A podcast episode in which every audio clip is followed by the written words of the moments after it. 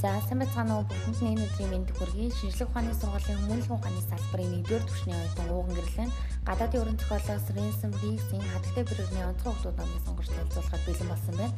Зохиолч Ренсом Рикс нь 1979 онд Мэриланд төрж Флорида мужи улсад өссөн. Тэрээр авьяаслаг хүмүүс зориулсан Pine View сургууль суралцаж Киноны коллежид англи судлалын чиглэлээр суралцаж үүний дараагаар Өмнөд Калифорни их сургуульд сурсан. Риксэн сонин сонин гэрэл зургийг цуглуулж хэвлэмэл номон дээр тэдний заримыг нь хэрэглэх тухай нийтлэл гаргасан байсан. Тэр гэрэл зургуудын зарим нь хатагтай бэргэрний онцгой хүмүүс номонд хэвлэгдсэн гэж хэлж болно. Маш сонирхолтой аим шин гэмээр зургууд хэвлэлтэнд нь орсон байдаг. За зохиолын хувьд хатагтай бэргэрний онцгой хүмүүсийн нэгдүгээр дэвтэр болох асрамжийн газар нь 2011 онд, хоёрдугаар дэвтэр болох хоосон хот нь 2014 онд, гуравдугаар дэвтэр болох сүнснүүдийн номис нь 2015 онд, Дөрөвдүгээр болох өдрүүдийн газрын зураг нь 2018 онд хэвлэлтэнд гарсан. Номыг монгол хэлний орчуулагч нь Заяа нэмхийн ган дэр гэж хүн байгаа. А түүний фэйсбુક дэх нийтлэлээс нүргэхэд 2016 оны 9 сарын 1-нд нэг санал ирсэн. Тэр санал нь хатагтай бэргэрний онцгой хүмүүсийн асрамжийн газар кино 9 сарын 30-нд нээлттэй ихээс өмнө буюу 21 хоногийн дотор нэгдүгээр дэвтрийг нь орчуулах санал авч орчуулж исэн гэж нийтлэлтэй дурдсан байсан. Тэгээ хатагтай бэргэрний онцгой хүмүүсийн асрамжийн газар буюу нэгдүгээр дэвтрийн товч агуулгын энэ хүргэе. Зохиолын гол дүр болох Джекоб Вуд өвөө нь баг байхаас аимшигтай үлгэрийн гэмээр сонирхолтой дүгүүдийг ярьж өгдөг гэсэн. Эхэндээ итгэдэг байсан ч том болохын хэрээр итгэл нь багасж байсан. Өвөө нь тэр хүүт түүхүүдийг Джекобын аавд нь ч мөн ярьж өгдөг гэсэн. Мөн л багаасаа итгэдэг байсан ч гэсэн том болоод түнд нь итгэхэ болоод бүр дургуйтдаг болсон. Гэтэл өвөө нь аимшиг мангасуудын хажуунд амиа алдсан байхыг Джекоб харсан.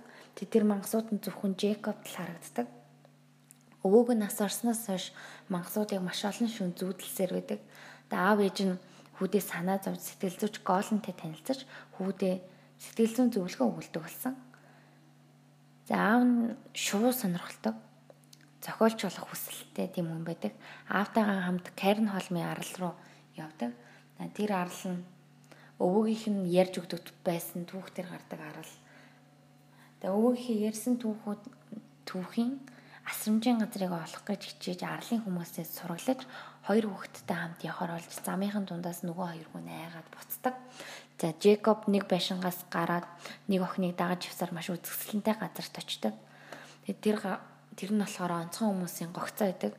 Гогцоонд ороод миллиард эмо хоёрт баригддаг. Тэгээ тэр хоёр Джекобыг асрамжийн газарт аваачаад Пергрин болон бусад онцгой хүмүүстэй танилцаад өөрийнхөө онцгой чадварыг мэддэг.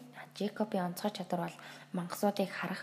Нүү бусад онцгой хүмүүс болохоор зөвхөн сүудрээр нь л харах боломжтой нартай үед ч юм уу. Джекобын бол онцгой чадвар нь тэр мангасуудыг мэдрэх харах байдаг. Тэгээ онцгой хүмүүс нь Гэвэл гарнаасаа гал гаргадаг Эмма маш их хүчтэй охин Бровын үл үзэгдэж хүн миллиард агаараас чөнхөн хүнд гутал өмсгөл бол дээшээ хөөрдөг охин Олив зүүн бэлэгтэй хүү хоорот үхсдгийг түр хугацаагаар амьдлалдаг үеийнө би дотроо зүгийн амьдралдаг хүү Хью ургамал ургуулагч охин Пиано хатагтай Пергрин бол өөрөө шувуу болдог. Онцгой хүмүүсийн удирдагчид бол бүгд шувуу болдог. Тэднийг имбрин гэж нэрлэдэг. Имбринууд гогцооныхоо цаг хугацааг тэнцвэржүүлдэг. Өөр өөр цаг хугацаанд маш олон гогцоо байдаг. Онцгой хүмүүс гогцоонд хизээч хөгшөрдөггүй. Тэдний хамгийн аюулгүй газар. Тэгээ Джекоб Эмма хоёр хайр сэтгэлийн холбоотой болдог. Гогцоог мэдснээсээ хойш ааваасаа нууцаар гогцоороо явдаг болсон. Өвөөг нь үхэхэд байсан мангасууд бол онцгой хүмүүсийг ангуучилдаг. Тэдний хоосон зурагт гэж нэрлэдэг. Мангасууд нь энгийн хүмүүстэй хамт амьдардаг. Тэдэнд болохоор хүүхэн хараа байдаггүй. Үүгээр нь болохоор таньж болдог. Тэгээ үүнээс хамгийн аимшигтай Джекобыг багаас нь л тэр мангасууд мангасууд ойр орчимд нь байсан. Тэгээ сургуулийн автобусныхын жолооч, мөн сэтгэл зүйчин гоолн гэх хүмүүс болохоор мангасууд гэдгийг арал дээр ирээд мэддэг. Тэгээ Джекобыг алаагүй шалтгаан нь гэвэл хатгтээ бэргэрний асрамжийн газрыг олох өгөөшөө болгосон. Тэгээ сэтгэл зүйчин арал дээр ирэхэд ирэхэд мангас гэдгийг мэдсэн байсан учраас тэр мангасыг алдаг. Онцгой хүмүүсийн гогцоонд амьдрахад дутагдах зүйлгүй бас өвчлөлтэй байсан хэдий ч хоосон зүрхтүүд эдний хизээч юм олж ирнэ гэх баа зэрэг айцтай амьдардаг. Гэтэл тэр айцсанд биелж хоосон зүрхтүүд гогцоонд орж ирээд хатгтээ пергернийг хулгайлж тэдний асрамжийн газрыг сүтгдэг. Тэд эмбрэнийг буцааж авдаг боловч шувуу болоо гимцсэн учраас хүн болж чадахгүй гацчихсан. Тэгээ хэрэг Тэгээ Жекоб онцгой хүүхдүүдтэй цаашаа явахар шийдээд аавдад цагтл үлдээгээд явдаг. Тэгээд эдгээр онцгой хүүхдүүд хэрэгтэй зүүн зүйлсээ аваад заваар далаад гарч өөр гогцороо явж төгсдөг байгаа.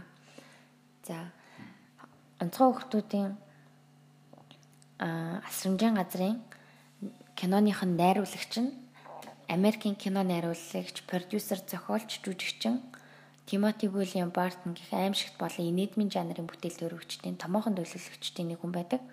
За дүгнэлт нь гэвэл хүн зорилгынхаа төлөө зөрөгтэй алхмуудыг хийж чаддаг юм а гэдгийг тэр онцгой хүмүүсээр төлөвлөж харуулсан. Үнэхээр л тийм алхмуудыг хүн хийж чадна. А тийм болохоор өөртөө ихтэй байх хэрэгтэй. А бас зөрөгтэй байх хэрэгтэй. Зорилгынхаа төлөө шүү дээ. За тэгээд тэдгээр онцгой хүмүүс бол хатагтай бэргэрний төлөө маш олон зүйлийг тоолдог. За тэгээд анхаарал тавьсанд баярлалаа.